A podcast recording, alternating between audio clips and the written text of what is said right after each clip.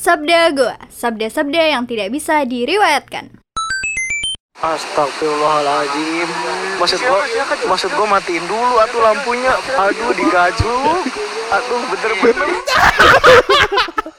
Presiden pertama Amerika bukan bahkan bukan presiden ya orang Amerika pertama yang mendapatkan Nobel perdamaian.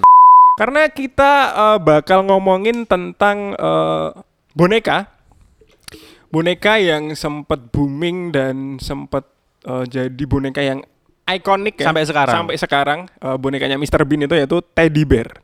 Tapi kita nggak ngomongin teddy-nya, teddy bear-nya, tapi kita ngomongin kenapa kok eh, teddy bear ini bisa dinamain teddy, yaitu Iya. ada eh, salah satu eh, mantan presiden di Amerika yang namanya Theodore Roosevelt Jr. Cek cek. Selamat datang di podcast Sabda Gua. Eh, kumpulan sabda-sabda yang tidak bisa diriwayatkan. Tetap dan selalu bersama duet wingback andalan Anda, saya Sabdi Nagara dan juga Ada Maharaja Hakim di sini. Selamat hari Jumat karena ini upload hari Jumat ya. Saya tidak peduli Anda mendengarkan hari apa. betul. Seperti biasa. Ya harapannya sih didengarkan setiap hari gitu ya. Jadi setiap OTW headsetan dengernya Sabda Gua. Betul, karena ya memang menghasis- menghasilkan hot take hot take dan opini-opini maupun materi-materi yang sangat konkret. Sangat konkret, sangat relate. Betul, bisa dijadikan Dan- eh, panduan hidup. Iya dan tentu eh, menutup segala kemungkinan yang ada. Jadi kayak udah emang udah menyeluruh gitu. Benar, Apa namanya? Komprehensif. Gokil. ya, ada apa? Ada berita apa hari ini, Sabdi? Sehat? hari ini sangat-sangat hari ini ya kabar terkini itu adalah kita punya seorang kawan gitu ya. Mm-mm. Seorang kawan yang latar belakang ceritanya seperti ini. Oke. Kawan kita. Wah ini ada building eh, karakternya dulu. Bener, kawan kita ini eh, punya teman lagi. Oke. Punya teman lagi tapi Lawan jenis. Oke, lawan lawan jenis. Ah. Kemudian eh itu kenalnya ketika SMP atau SMA gitu. Dan Oke. keadaannya seumuran. Jadi semester akhir ya. Udah, Betul, udah betul. nggarap skripsi gitu. Terus terakhir ketemu ya pas SMA ya sekitar 4 5 tahun gitu dari latar belakangnya. Kemudian dengan tiba-tiba Hmm. dengan tiba-tiba ini eh, jadi emang hubungannya cuma chat balas story. Betul. Chat balas story jadi tidak ada obrolan yang panjang dan intensif. Jadi emang intensifnya balas story aja kayak gitu. Oke. Kemudian hidup di luar kota, jarang ketemu banget, kemudian minta jemput dari stasiun. Oke, Minta jadi dia dari luar kota nih. Jadi setelah SMP atau SMA dia terus kuliah di luar kota, terus dia mau balik Jogja lagi. Terus kemudian nggak pernah ngechat, nggak pernah ngobrol seintensif itu. Terus kemudian dia pengen tiba-tiba ngechat pengen dijemput. The problem is, Hmm? The problem is ini bukan balik Jogja. Hmm. Karena SMP dan SMA-nya si lawan jenis Heeh. nggak di Jogja juga. Oh, nggak Jadi di Jogja juga. Sejarang itu ketemu ya Hmm. lewat penuturan kawan tadi. Oke. Terus ya terus tiba-tiba tanpa ada angin dan tanpa ada hujan, Heeh. langsung dia katanya pengen interview kerja ya tadi di Jogja terus cuma sehari Ya itulah pokoknya eh, tiba-tiba ujuk-ujuk minta jemput. Intinya sih itu ya, minta Oke. jemput dengan eh, tingkat kedekatan yang segitu tadi. oke Bisa di- bisa dibayangkan lah ya. Mm-mm. oke kita mungkin bedah ya Kita bedah bedah. tentang pandangan kita ya Iya. Apakah ada tik-tik yang akan keluar terkait dengan ini gitu? ah jadi ada yang namanya skala prioritas Skala prioritas. saya ya Mm-mm. dalam kehidupan sosial saya saya mungkin dalam beberapa tahun terakhir ini memang mengurangi eh, dalam tanda kutip teman-teman dekat karena saya merasa juga tidak terlalu dekat Mm-mm. dan bahkan dengan teman-teman dekat yang mungkin bisa dikatakan setiap hari saya ketemu setiap hari saya bercengkrama bersama itu kalau misalnya saya diajak main dan saya tidak mau ya saya bilang tidak Mm-mm. Nah, kita bandingkan dengan eh, kawan kita tadi. Hmm. Kalau misalnya dia nggak pernah ketemu, terus eh, nggak pernah ngobrol, nggak pernah intensif chat. Ya, ya yang yang on yang offline nggak rutin. Paling nggak kan ada kerutinan di online-nya kan. Bener, Ini dua-duanya tuh enggak itu. bener. Nah, kalau dibandingkan dengan itu berarti mungkin, Ah. mungkin ada motif-motif tertentu dari kawan kita atau mungkin lawan jenisnya. Hmm. Semisal dari kawan kita nih, Betul. misal dengan tingkat kedekatan yang tidak terlalu tinggi, Mm-mm. Kok motifnya apa sih? Mau tiba-tiba wah ternyata ya minat gitu mau deketin. Malah valid toh? Valid, ya udah, udah valid, malah valid. clear masalah. Valid. berarti mau meningkatkan tingkat kedekatan. Betul. Sedekat apa terserah. Betul. nah tapi kan kalau jawabannya lah kenapa? Ya gabut aja. Wah. Itu sepertinya ada yang salah dengan kepala Anda. khawatirnya loh. Khawatirnya kan di motif lawan jenisnya ini toh. Khawatirnya takutnya kan memanfaatkan aja gitu loh Benar. tahu kalau ada ada apa ya ada orang baik. ada orang baik ada gacoannya kalau wah nek tiba-tiba ngechat minta tolong mesti diiyakan Mm-mm. apakah kan per- pertanyaannya loh orang jadi, jadi orang baik kok malah disalahin gitu nah ini ini ini ini ini ini bentar Sebentar ya, Ya. sebelum Anda ngejudge kita berdua. menurut gue menurut gue tingkat baik itu kan harus sejajar dengan tingkat kedekatan Betul. coba kita pakai skala 1 sampai 100 lah ya Betul. satu yang paling Rendah. dekat 100 paling akrab gitu ya Mm-mm. misal tingkat kedekatanku sama Hakim Mm. ambillah 80 ya Oke. cukup tinggi Cukup tinggi. Iya, tingkat kedek, tingkat kebaikan yang ku praktekkan Eh, ya senilai 80 juga. benar. Terus apabila aku punya temen tingkatnya 30, ya Ah. tak praktekannya 30 juga. Benar. Semisal Hakim, eh Hmm. semisal eh Hakim tingkat 80, tak praktekkan tingkat 30. Nah, itu baru kan turun tuh derajatnya Ah, gitu. Ah, mungkin baru itu yang nggak sesuai gitu loh. Apakah kalau yang 30 nggak kita praktekkan 80 itu jahat? Ya enggak, kan tetap baik dengan skala 30 Benar. tetap tetap harus berimbang. Lah ini kok 30 dipraktekannya ke 80. 80. Kalau ada motif biar yang 30 naik 80 nggak masalah. Nggak masalah, karena itu Masalah, memang eh. meningkatkan. Yang 30 tadi kedekatannya menjadi mungkin 80 sesuai dengan kebaikan yang diberikan. Hmm. Begitu. Lah kok motifnya kok bukan meningkatkan juga nih. Ya, pada dasarnya memang kita sebagai manusia itu memang hablum minallah, hablum minal nas dan Nah. hablum minal alam.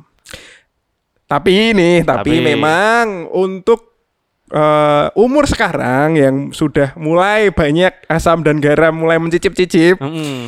memang tidak semua nas itu harus Nah. dibaiki. Iya, ya dibaikin dengan skala tingkat tadi. Benar, benar, sama, benar, sama, benar. sama kedekatannya gitu loh. Iya, karena memang eh, semakin ke sini memang semakin banyak orang-orang yang memang bajingan aja. Iya, takutnya dibaikin terus malah nih orang terus. oh, dan Ya, sesuai- Hmm. terkesan memanfaatkan kebaikan dari orang lain. Nah, ini kan kita juga harus hindari orang-orang yang seperti ini. Hmm. Kalau itu menurutku ya. Menurutku, Menurutku. bisa jadi emang menyembunyikan tingkat kedekatan yang ternyata tinggi bisa, Eh, jadi, tapi nggak tahu. Kita kan tidak tahu motif dan kita tidak tahu eh, seberapa dalam hati dari orang lain. Apakah motifnya disembunyikan kan nggak tahu juga. Ya, pokoknya itulah ya untuk mengawali cerita kita pada podcast episode kali ini ya. Iya. Udah kita tidak terlalu jauh untuk membahas diri kita karena ya memang kehidupan ya kita tidak terlalu penting ya. Mm-mm. Jadi kita mulai dengan uh, recent update yang update rame sosial di media. sosial media kali ini.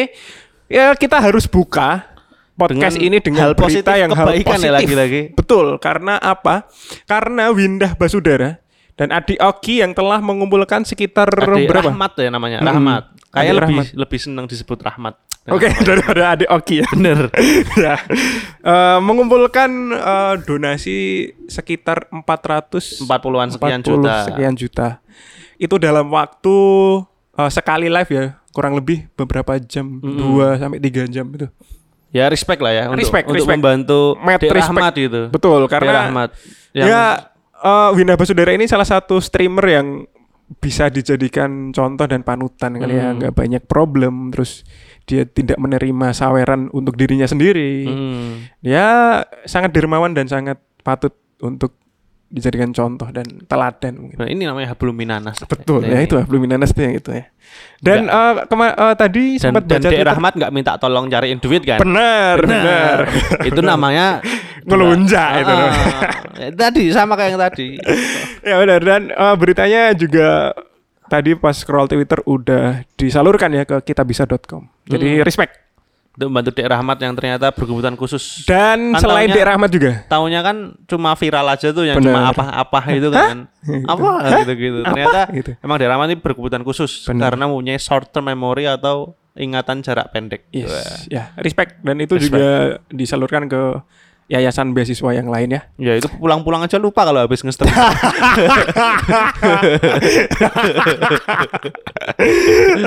Lanjut ya. Harus balance, Harus balance. positif dan ada juga negatif. Iya, ngece. ya, ini eh, berita selanjutnya ini juga negatif karena kita harus balance tadi karena ada seorang mas-mas bajingan ini. Oh ya. Ini sejenis kayak Rizky Bilar, terus kemudian mas-mas mas-mas yang eh, apa ya?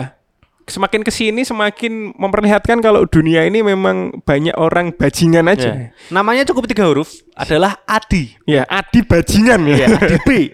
Adi B. Kita tambahkan B di Iya. belakangnya Adi bajingan. Karena apa, Sabdi? Jadi Mas Adi ini eh, mempunyai teman sekelas Oke. yang itu kayaknya itu eh, kuliah. Oke, Tapi kuliah. ini cuma mata kuliah pilihan gitu, yang Hmm. yang nggak ketemu di mata kuliah lain. Jadi Oh, oh, benar-benar benar. cuma satu grup WA, Mm-mm. kemudian ngechat cewek yang ada di grup tersebut terus nggak dibalas. Oke. Terus dibalas dengan Mas Adi menyebarkan nomor si mbak-mbak ini Mm-mm. ke grup 18 plus yang Alias, isinya ya. mas-mas engas semua. Betul.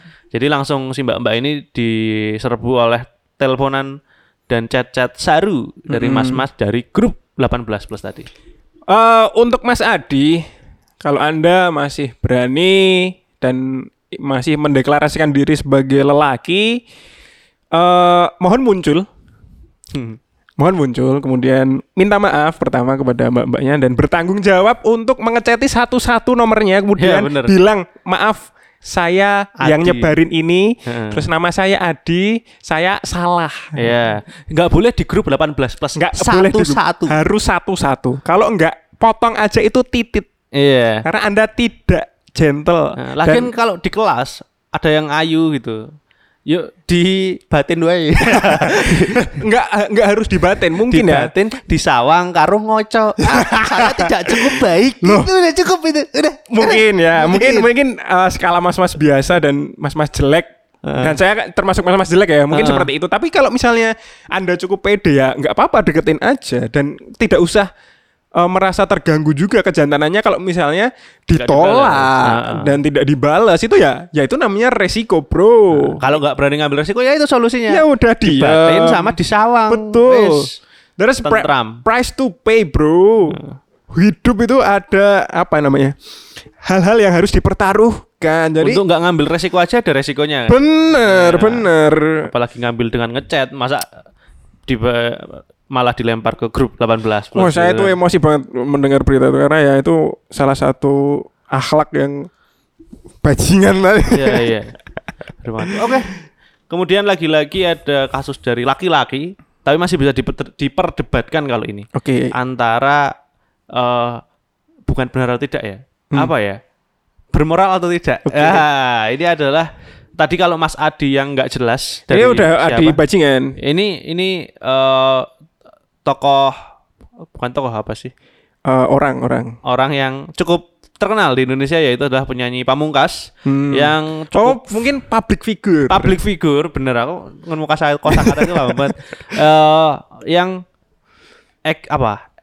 Action Act out. stage stage Stage- stage, stage actionnya action, stage actionnya ini eh, menuai kontroversi karena biasa enggak yang enggak yang ngambil HP penonton tapi digosokkan di kemaluannya. Bener. Dan respon yang dilakukan Mas Pamungkas adalah membuat meme Dan di video klarifikasi juga katanya. dan di, eh, di kolom komentarnya. di Instagram itu apa dikeluarin wah sudah lahir pakai HP kecil gitu loh. Jadi dipercandai responnya. Nah, ya emang ini antara bener dan enggak ya soalnya kan banyak yang banyak yang apa ya berasumsi negatif terkait kegiatan ini tapi juga banyak yang membela. Kalau menurut sabda gua dari hakim dulu nih. Wah. kita sebenarnya harus berhati-hati juga ya untuk berkomentar karena mungkin eh, sedikit banyaknya mempengaruhi orang-orang yang mendengarkan sabda gue juga. Hmm. Menurut saya eh apa ya? Aduh, Aku dulu. enggak sih. Enggak. Eh, enggak. Aku mau, mau, mau menentukan kata yang tepat. Eh, Pamungkas ini tidak salah, tapi mungkin lebih ke tidak tepat. karena Karena menurut saya banyak juga stage action yang memang lebih parah dari pamungkas yang mungkin misalnya band-band rock ataupun yang hardcore hardcore itu sampai misalnya muntah-muntah di panggung, ada yang sampai oh, itu Menunjukkan kemaluan ke kamera. kemaluan ke kamera, sampai Cobain kan kayak gitu. ada yang pipis di atas panggung dan itu tuh ya Telanjang ya, bugil kayak bener. eh, basis Red Hot Chili Pepper. Heeh, play, ya. Terus ya itu mungkin mungkin mungkin Mas Pamungkas itu belum levelnya ke sana. Mm-mm. Jadi apalagi kan itu kan sebagai konser ya. Konser terus itu di video oleh salah satu penggemarnya ya. Mm.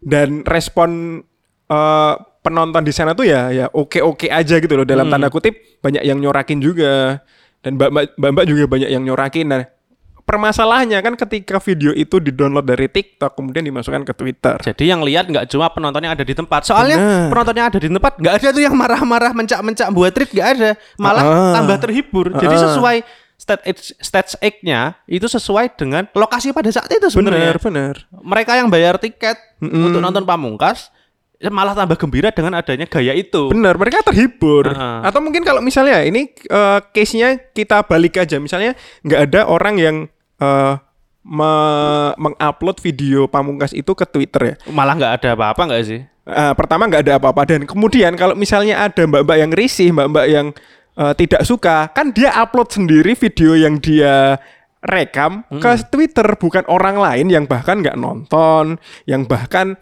nggak tahu gimana stage actionnya pamungkas kayak gitu. Jadi Pamungkas nggak salah sih. Nggak salah tapi mungkin kurang tepat aja. apesnya itu diupload aja. Benar. Jadi yang orang yang nggak bukan fansnya, karena kalau datang in- insya Allah semua fansnya ya. Jadi yang bukan fansnya alias yang sengit-sengit gitu juga tambah dapat bahan. Soalnya menurutku juga Pamungkas nggak ada di level yang tadi, yang bertindak s- nggak senonoh malah dianggap keren itu karena Pamungkas ini masih banyak yang sengit, Betul. masih banyak yang nggak suka. betul. Dan, nah ini, dan orang-orang yang nggak suka itu berani ngatain Pamungkas. Benar. Soalnya manajemen resiko, weh, yang dimiliki oleh, yang dipikirkan oleh eh, hater-haters Pamungkas itu eh, dinilai rendah menurutku loh. Hmm. Sekarang yang kalau misal ngece Pamungkas, ngejek Pamungkas, yang bales ya pasti paling mbak-mbak kopian aja tuh, kurang-kurang menggigit gitu. Dan malah banyak yang dukung saling-saling ngejek. Saling ngejek ya. Coba ngejeknya langsung ke K-pop. Wah, orang nggak mikir-mikir. Iya. Soalnya yang nyerbu nggak tanggung-tanggung. Mm-mm. Mending ki- kayak kita ngece anu deh. Kita buat analoginya sama bola dah. Mm-mm. Ngece Persebaya, Persija, Persib, PSS. Wah, itu resikonya sangat tinggi. Soalnya bola lokal kan emang sangar banget tuh fanbase-nya. Sangar banget dan Sedang- gesekannya banyak terjadi di Bener, sana. sedangkan kamu ngece yang lebih bagus wes secara kualitas tim Hmm. daripada PSS, Persija, Persib dan lain-lain. Kita ngece Manchester City atau RB Leipzig Mm-mm. ikut Liga Champion. Oke. Bagus. Oke. Pemainnya ikut Piala Dunia. Mm-mm. Kita ecek sehina-hinanya. Nggak direspon, Bro. Nggak diwaro paling. Paling nggak sama fanbase Indo yang nggak spiro itu loh. Maksudnya secara resiko itu lebih rendah daripada tim lokal. Dan Bener, sama bener. ngece Pamungkas itu resikonya lebih rendah daripada fans-fans yang lain. Mm-mm. Makanya ya why not? Apa nggak suka sama Pamungkas itu lebih diperlihatkan daripada nggak suka sama hal-hal yang lain. Iya, itu juga mungkin ber ber apa ya?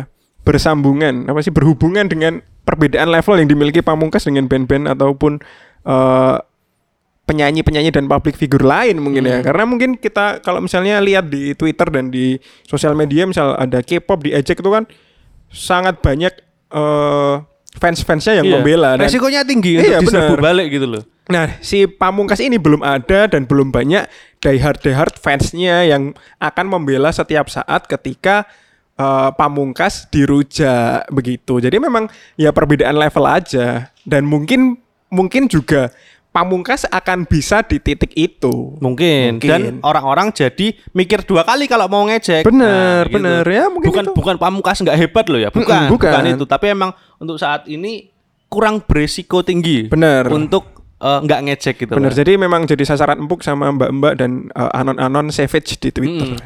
Sebenarnya malah dipikir-pikir ini ah, clear dulu nih. Iya, ini, ini aku disclaimer, disclaimernya analisis bodong aja gitu loh. Oke. Misal ngejek ngejek basis supporter bola gitu. Oke. kita diserbu nih Uh-uh. tinggi gitu. Menurutku itu mendingan pembandingan nanti. Itu karena yang nyerang adalah akun-akunnya tuh akun-akun jelas itu. Ya paling ada bendera warna kesebelasannya. Oh, oh. Orangnya jelas lah dan Hmm. tipikal akun supporter tuh bisa dikenali lah. Daripada kalau kita nyet- nyerang akun K-pop ini lebih berbahaya menurutku. Iya, Soalnya oke. kita kayak diserbu makhluk gaib gitu. Enggak tahu namanya Buh piye ejaannya. Heeh. Fotonya ya foto idol gitu. Heeh. Ini kan tuh lebih mengerikan daripada bola. Jadi sebenarnya eh, kasta tertinggi K-pop, bola lokal baru pamukasku kesekian gitu. Nah, Soalnya nggak terlalu beresiko. Nah ini juga bersambungan dan bersambut dengan Pamungkas yang uh, menggosok-gosokkan HP Ke- fansnya ke kemaluannya. Ini ada juga Yang menggosok-gosokkan kemaluan juga. kemaluan juga ke lawan jenisnya. Kemaluan lawan jenis. Benar. Jadi tapi uh, ini sebenarnya nggak masalah karena itu kan ya memang hubungan biologis. Kejadiannya masalahnya adalah di lokasinya. Nah ini adalah lokasinya ada di tempat kemah dan Kemah. piknik. Eh, eh, jadi dilansir oleh akun teks dari Bogor. Berarti ini kan di puncak ya. Di Benar. puncak gitu. Itu di tempat daerah perkemahan. Eh, Ada satu tenda yang menghidupkan lampu ya karena lampunya. memang sudah gelap. Lampu karena gantung gelap. yang di tenda segitiga Ah, itu ya. ah, ah. Eh, itu tapi tidak tidur dengan lelap bayangannya. Justru malah tidak juga tidak juga main Uno. tidak juga. Tidak juga main Katan, Citadel Hmm. ataupun sekelas Monopoli saja enggak. Ya sejauh pengetahuan dan eh, wawasan dasar manusia, gerakan tersebut adalah gerakan bersetubuh. itu sangat basic diketahui. Kita coba dengar eh, rekaman dari mas-mas yang rekam dulu. Astagfirullahaladzim. Maksud gua Maksud gua matiin dulu atuh lampunya. Aduh digajuk Aduh bener-bener. Astag- Astagfirullahaladzim. Tolong matiin dulu lampunya Iya mas matiin dulu lampunya Serius Serius matiin dulu. Serius. Goyangan mbaknya terlalu terlihat. Aduh, aku ketawa dulu. Nah, ini eh, memunculkan bermacam polemik ya. Iya. Pro dan kontra di kolom komentar Twitternya seperti biasa kan. Banyak juga Mbak-mbak Savage. Mbak-mbak Savage yang mengagungkan ya namanya concern gitu Iya, namanya concern nggak apa-apa. Oh, jangan kagetan dong kalau misalnya ada manusia yang eh, menuntaskan kebutuhan biologisnya. Hmm. Mbak, Gini gini Concern kan ada antara siapa dan siapa eh, pelaku utama? Pelaku dua kan Dua. dua. orang. Kecuali kalau emang yang rame-rame juga. Berarti concernnya rame-rame. Tapi kalau kasus, ini berdua lah ya. Oke. Concernnya dari pihak laki-laki yang di bawah ya. Sama pihak mbak-mbak yang di atas. Oke. Tapi jangan lupa Ada concern juga antar tonggo tenda.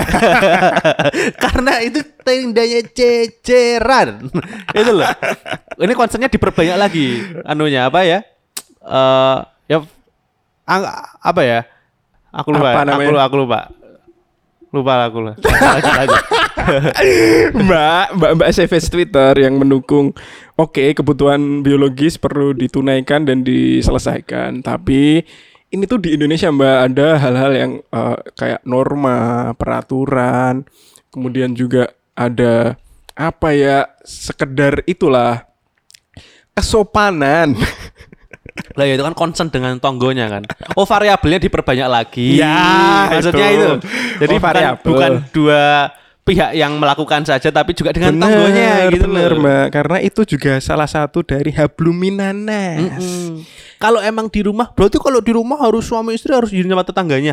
Ya kan tetangganya nggak lihat kalau itu. Anda punya rumah, ini kan Eh, di ini kan- tenda, di alam bebas. Kecuali Anda bangun tembok di sana itu nggak ada yang tahu, nggak kelihatan boleh. Ini kan cuma setipis apa sih tenda itu kan lampunya hidup Anda lagi. ada angin topan, Anda ikut kabur Iya, dengan tendanya itu. Ikut terjungkal Anda nggak jadi enak-enak. Betul. Tolonglah. Tolong Mbak-mbak Twitter juga ini yang sok-sok savage membela-membela ini. Itu kan hak setiap orang untuk melakukan yang penting kan concern tai. tai. Ada yang loh Oh percaya sama gaib-gaib berarti kalau hewan-hewan yang bersetubuh di berkembang biak di gunung itu nanti kena jin. Ya elah. Ya elah, Mbak. Elah. Belum pernah kan lihat serigala kerasukan macan. Ah, belum pernah. Belum pernah kan lihat monyet kerasukan opo kayak kewan-kewan liane gitu. Belum ini pernah. macan tapi ketek kan belum tahu kan belum pernah kan. Soalnya nggak mungkin. Mungkin ya manusia gitu. Engko nemplek nggak bisa lepas temancep kapok. Iya, Isin dewe, bisa. gitu. Nanti keluar dari tenda kok jadi kembar siam. ya ya udah lah cari yang kamar gitu loh kalau iya, kita tuh tidak kita tuh bukan bukannya kita sensi ya, tapi kita Hmm. juga terserah lah nafsi-nafsi lah. Mungkin kalau Anda ingin eh, bersetubuh silahkan. Anda sudah sama-sama concern Silahkan. silahkan. Tapi ya mbok cari tempat yang layak, tempat Ya, syarat- tepat syaratnya batu gitu bata lah pembatasnya tuh. batu bata lah. Itu minimal tuh. Jangan kain tenda. Itu. Ah, ada-ada aja nih. Eh, society ini semakin rusak ya sebenarnya Hmm. karena pemikiran-pemikiran yang open minded tapi sebenarnya nggak open-open banget ya. Hmm, Jelek jelek. Opini Anda jelek ya, Mbak Mbak, Mbak Savage ya. Mm-mm. Kali ini kita tidak setuju dengan Anda ya. Enggak enggak. Emang biasanya juga enggak. Kapan? Gua setuju. Jelek-jelek itu sebenarnya. Lagian kan kalau misalnya di alam bebas kan Cuma misalnya bahas apa ada rame lagi tuh. Ini singkat aja lah ya. Hmm. Rame yang pacar masakin ma- pacar itu cewek Oh, gitu. yang masakin cowoknya. Savage savage mbak-mbak savage rame lagi. Ini kan berarti kok fitrahnya di dapur? Ini gini gini gini gini. Berarti cewek dimanfaatkan gini. Ini yang pengen kan ceweknya dikasih ke pacarnya. Makasih yang. Beres. Nggak ada yang nyuruh. Kecuali kalau cowoknya "Oh, kamu berarti kalau aku ini harus masakin gini gini gini tapi belum ngasih menafkah. Oke itu salah. Sama-sama rela sebuah Nah, itu juga namanya concern, Mbak. Concern itu Tuh. nggak ter- termasuk dan selalu bentuk-bentuk ngewe, Iya, Mbak. ma- maksain juga kalau sama-sama rela gitu ya udah. Tapi kan kamu belum ngasih uang ke dia gini masih orang tuanya berarti kamu makan duit orang tuanya kan dia pengen mbak eh gitu. ya udah itu nggak ada yang marah di antara mereka. Emang nek ngewe nek nyewa nang hotel ora nganggo duit uang tua nih. Apa? Lah, lah, lah, lah, lah, lah, kamu kan bisa ke kosan temennya yang lagi pergi. Oh, bukan lagi pergi, tapi disuruh pergi. Iya, nanti temennya pas pulang, misal nggak tahu kabar pas pulang, lah kok kosku kancingan, Kok kosku kok bau pandan. gitu kan. sendalnya di dalam. Nah ini eh, berkelanjutan juga sama mbak-mbak yang eh, ngewe di alam bebas tadi ya. Eh bukan mbak-mbak doang, tapi ada sepasang lah, Sepasang, sejoli, sejoli ya. sejoli. Kita tidak bisa menyalahkan mbak-mbaknya doang. Kebetulan straight. Straight ya. Hmm. Jadi kita nggak akan bahas gender yang lain. Iya, benar, Pokoknya ya. yang ini aja. Ya kan genre cuma dua. Kal- iya. itu ya, besok lagi besok lah, hotek besok lah ya. Ah. Jadi eh, bersambut dengan eh, dua eh dua sejoli ya. Heeh. Nah, eh, istilahnya itu dua sejoli ya. Sa- Dua, sejoli bener. Satu dua, pasang sat- lah ya. Nah, satu pasang itu eh ngewe di alam bebas ini juga harus berhati-hati karena ada kemungkinan diserang oleh eh, binatang buas ya. Mm-mm. Seperti mungkin macan, Ya, hina, ya. eh, disaruk jerapah, Sama warga setempat. mungkin juga beruang ya. Beruang. Nah, beruang ini ini juga merupakan uh, topik yang bakal kita bawain pada tema podcast kali ini yang yaitu tarbiyah. Tapi kenapa beruang, Sabdi? Tahu nggak kenapa? Kenapa tuh? Karena kita uh, bakal ngomongin tentang uh, boneka. Boneka yang sempat booming dan sempat uh, jadi boneka yang ikonik ya. Sampai sekarang. Sampai sekarang uh, bonekanya Mr. Bean itu yaitu teddy bear. Tapi kita nggak ngomongin teddy-nya, teddy bear-nya, tapi kita ngomongin kenapa kok uh, teddy bear ini bisa dinamain teddy. Yaitu Iya. ada uh, salah satu uh, mantan presiden di Amerika yang namanya Theodore Roosevelt Jr. Jadi eh, Pak Theodore Roosevelt Junior ini atau bisa juga eh, disingkat atau dipanggil Teddy ya, walaupun dia nggak senang dipanggil Teddy. Mm-mm. Ini adalah eh, Presiden Amerika Serikat yang ke-26 yang lahir pada 27 Oktober eh, tahun 1858. Bulan ini ya sekitar dua minggu lagi. Betul. Eh, kemudian dia juga eh, salah satu komisaris polisi sebelum jadi eh, presiden di mana tuh? New York kayaknya. Oke, jadi Theodore Roosevelt ini itu gedenya tuh di New York. Jadi emang karir politiknya gede di New York. Eh, dia ini berasal dari keturunan Inggris dan Belanda. Jadi Oke. total Kaukasian, bule banget. Kemudian ayahnya adalah pengusaha Mm-mm. di New York dan ibunya adalah saudagar perkebunan. Wah. Pada zamannya otomatis perkiraan saya mah kebunnya kebun kapas kalau enggak tebu kalau enggak jagung. Yang bekerja di sana budak. Nah, feelingku sih itu. Iya feeling ya ini. Feeling. Ini feeling ini. Tapi feeling. menurut dengan antropologi zaman itu ya semuanya budak. Kemudian eh, Theodore Roosevelt muda ini menderita asma parah dan juga penglihatan lemah sehingga Hmm. harus eh, homeschooling. Jadi emang total orang kaya berprivilege sejak muda. Oke. Nah, zaman sekarang homeschooling masih mahal kan? Dia sudah dari tahun 1860. Benar. Sangat kaya. Kemudian eh, untuk tahun-tahun awalnya itu adalah sekolah di Harvard. Hmm. Eh, lu- lulus tahun 80 kemudian dilanjutkan di Columbia Law School.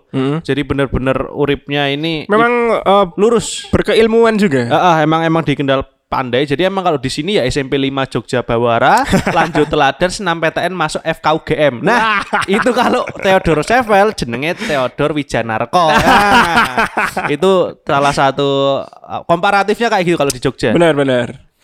Eh kemudian lanjut lanjut. Kemudian karir pertama politiknya ini adalah di Parlemen ya. jadi ketua Partai Republikan Hmm. di New York itu pada tahun dua eh, pada tahun pada umur 23 tahun. Hmm, sangat muda. ya. Sangat muda karena fresh, fresh pinter. graduate langsung dari Yes, dari Columbia Law School langsung Dewan. jadi eh, masuk Partai Republikan. Kemudian eh sempat vakum dari politik tahun 84 karena Hmm. berduka, eh, berduka karena istri dan ibunya meninggal di hari yang sama. hmm. Itu tahun 84 kemudian eh ikut sok-sokan hidup hipis gitu.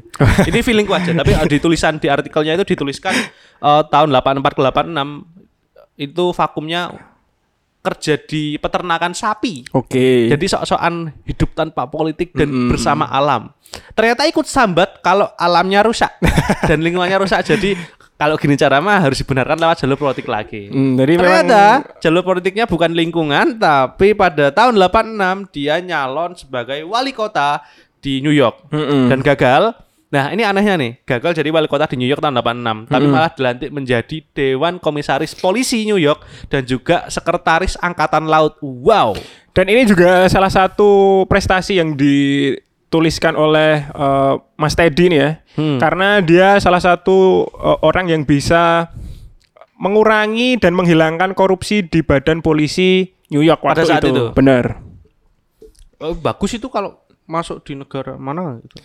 Ya kan zaman dulu. Zaman dulu berarti udah nggak mungkin. Nggak mungkin. Oke. Udah meninggal orang. Jadi tapi itu juga main dua kaki ya karena itu menjabat sebagai Dewan Komisaris Polisi Heeh. dan juga eh, Sekretaris Angkatan Laut. Wah, Benar, jadi benar. memang sangat kuat banget tuh masih ABRI berarti di sana ya. berarti itu ABRI ya. Negaranya kan A Amerika. Benar. Benar. Kemudian eh Theodore Roosevelt itu trak, eh, kemudian gabung ke Partai Republik nyalon jadi wakil presiden McKinley itu ke-25. Presiden ke-25 kan Theodore ke-26. Lah, peraliannya itu dari 25 ke 26 itu dengan cara bukan dengan cara sih. Terjadi Terjadi sebuah peristiwa Ma- ya. ya. McKinley ditembak. Benar. Jadi, Jadi, emang presiden Amerika itu rutinitasnya nutup-tutup jabatan dengan cara ditembak. Soalnya Lincoln kan juga gitu. gitu. Emang udah rutinitas. Nah, ya, itu tahun Mbak. 1901 ya. Jadi Presiden William McKinley itu meninggal dunia akibat tembakan seorang teroris dan saat itu juga eh, Theodore Roosevelt atau Mas Teddy ini menjadi Presiden Amerika Serikat yang termuda dalam sejarah Amerika Serikat. Umur 43 tahun. Benar. Ya. Sebelum sih, itu 6 minggu sebelum ulang tahun ke-43. Jadi masih 42 akhir. Dan itu masih termuda sampai saat ini. Mungkin untuk teman-teman yang masih asing dengan Theodore Roosevelt bisa lihat eh, tahu nggak sih Gunung Hokage yang di Amerika? Ya inspirasinya Naruto juga sih. Kan Iya. ada tuh gunung yang Gunung yang diukir. diukir dengan wajah-wajah orang ya. Empat Benar. orang ya. Empat orang ada Jefferson, ada Lincoln, satu lagi lupa itu nah, satunya ini Theodore Roosevelt. Ini, ini saya nggak baca langsung kawasan umum. Eh, luas maksain, gimana lagi kan? maksain. Iya, iya. Satunya lupa. Ya itu Jefferson, Lincoln, siapa gitu? Nah, Theodore Roosevelt. Bedanya Hokage ketiganya itu nggak makan bansos anak yatim. Nah, Beda. Itu jadi bedanya di situ. Nah, jangan gitu, itu pembahasan yang lain itu kan Iya, ada, iya. ada, ada itu kan diskursus yang lain kan Oh Naruto. di acara yang lain kan. Iya, di organisasi pemuda. Iya, jangan eh, pelajar. Iya, warga gua nggak tahu. Kita jangan jokes intern. Oke. Lanjut, Oh, lanjut. terus kalau masih kurang familiar, itu mungkin teman-teman tahu film yang cukup ikonik untuk usia lahir 90 dan 2000 ada Night at the Museum. Betul. Jadi eh, Mas Teddy atau eh, Theodore Roosevelt ini digambarkan sebagai bapak-bapak bijak yang naik jaran Iya, ketika malam itu hari. Film yang itu loh, yang apa penjaga museum lowongan baru kan, ternyata kalau tengah malam museumnya hidup gitu ya, ornamennya semuanya. Nah, kalau ada tokoh-tokoh bapak-bapak naik kuda bijak diperankan Robin Williams, Robin kalau, Williams. kalau ngeh itu. Almarhum juga itu. Nah, itu nah itu maksudnya Pak Teddy itu itu tuh. Iya, yang itu. Heeh. Nah, dan kenapa kok dia bisa dipilih ya? Karena memang sangat ikonik juga di Amerika Hmm. dan eh, sebagai apa ya tonggak dari kepemimpinan presidensial di Amerika itu memang sangat Karena berpengaruh juga, sebagai presiden pertama Amerika bukan bahkan bukan presiden ya, orang Amerika pertama Mm-mm. yang mendapatkan Nobel perdamaian. Ya benar, karena dia ngapain? sebenarnya banyak nganunya apa banyak banyak ber- terlibat dalam perang sih dipikir-pikir nggak perdamaian ya itu kayak hasil politiknya sih ada sih Ya, dia tuh eh, perannya sebagai kolonel di San Juan Hill selama perang eh, Spanyol dan Amerika. Ya, kemudian merebut hadiah Nobel perdamaian pada tahun 1906, lima tahun semenjak dia ditunjuk sebagai presiden ya, karena perannya dalam mediasi perjanjian Portsmouth yang mengakhiri perang antara Rusia dan Jepang.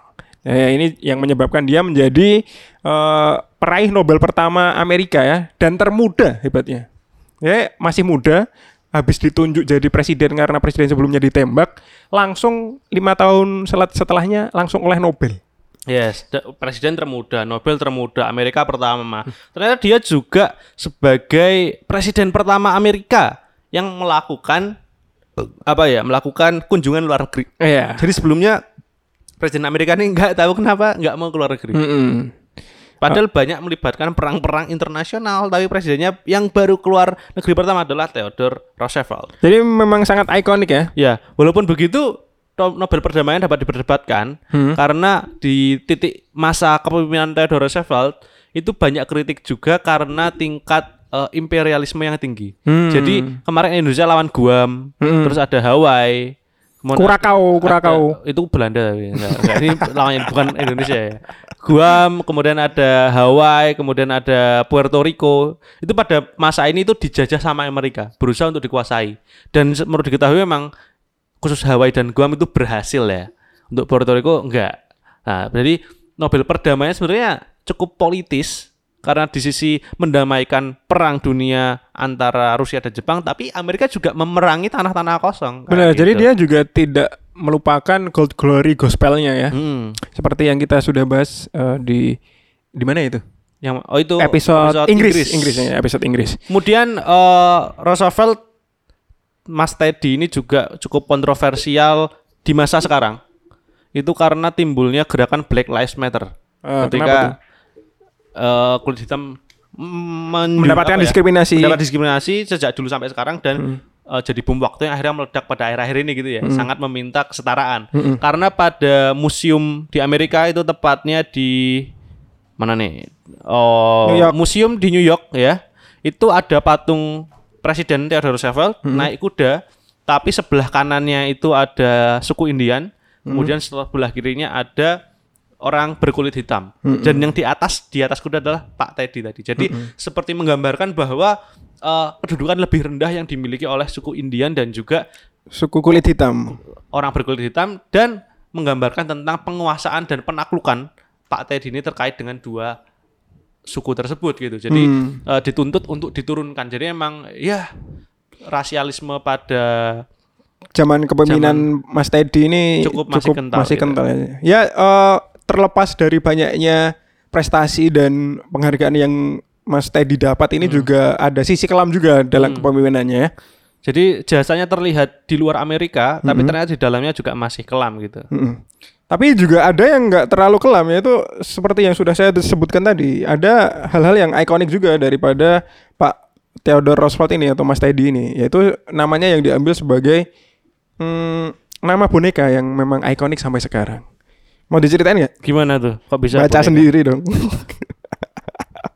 Ya, Enggak, kan bercanda, podcast, bro. bercanda. Kan Iya, iya. Ini uh, bakal aku ceritain. Jadi uh, nama teddy bear ini berasal dari uh, namanya yang Theodore ya.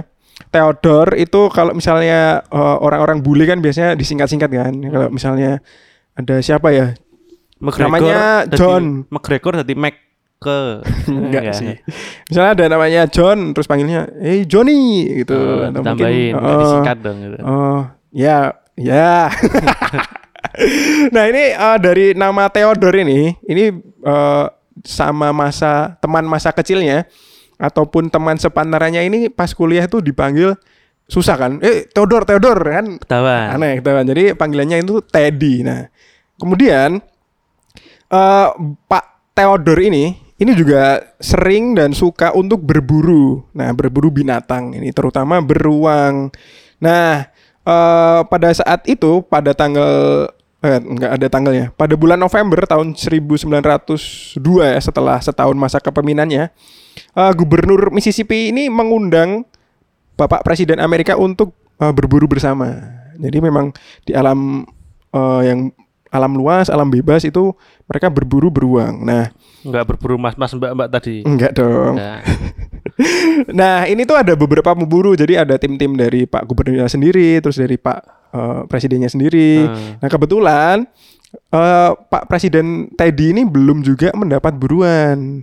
Nah, eh, kemudian si pelayan-pelayannya Pak Teddy ini tadi kayak ajudan-ajudannya ini yang dipimpin oleh namanya Holt Collier ini berhasil menggiring dan mengikat seorang beruang yang terluka di pohon willow. Nah, setelah pengejaran yang panjang dan melelahkan, mereka kemudian memanggil eh, Pak Teddy ini tadi. Nah, ketika eh, Pak Teddy ini diminta untuk eh, membunuh ya, menembak rusa, eh rusa, Beruang. beruang itu tadi. Nah, si Pak Teddy ini menolak karena apa ya? Gemas. Enggak dong, enggak gemas dong. Karena dia merasa eh, dia memburu dengan tidak hormat karena udah diikat, udah terluka juga Oh, beruangnya. iya. Jadi memang dia nggak mau terus dia meninggalkan begitu saja. Nah, Padahal alangkah baiknya sekalian nggak berangkat.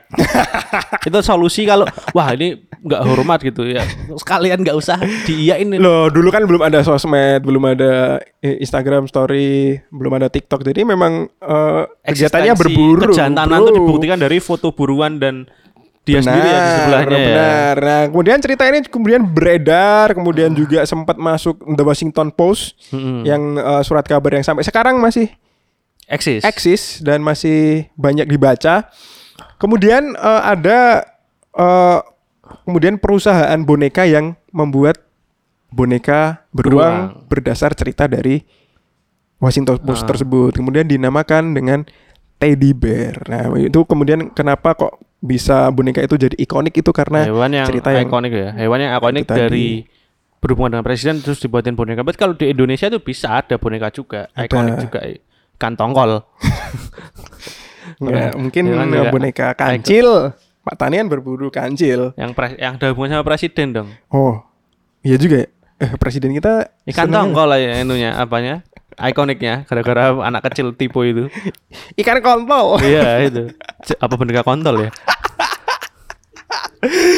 ya tapi eh, itu tadi ya. eh, Pak Teddy ini merupakan salah satu orang yang sangat ikonik Di Amerika. di Amerika dan juga Saking mungkin dari di dunia puluh, juga. puluhan presiden aja yang dipajang jadi ukiran Hokage di gunung itu cuma empat dan salah satunya Pak Teddy. Membuktikan Dan- kebesarannya ya. Benar dan ya menurut kami menurut sabda gue adalah menurut menurut menurut terus aja. Heeh. eh, merupakan salah satu tokoh yang cukup asik untuk dibahas ya. Jadi Mm. kita bahas dan kita hadirkan kepada warga gua semua.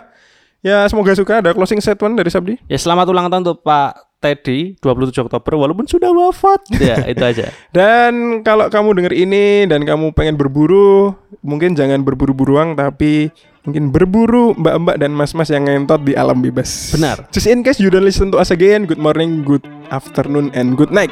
Yoroshiku no onegaishimasu.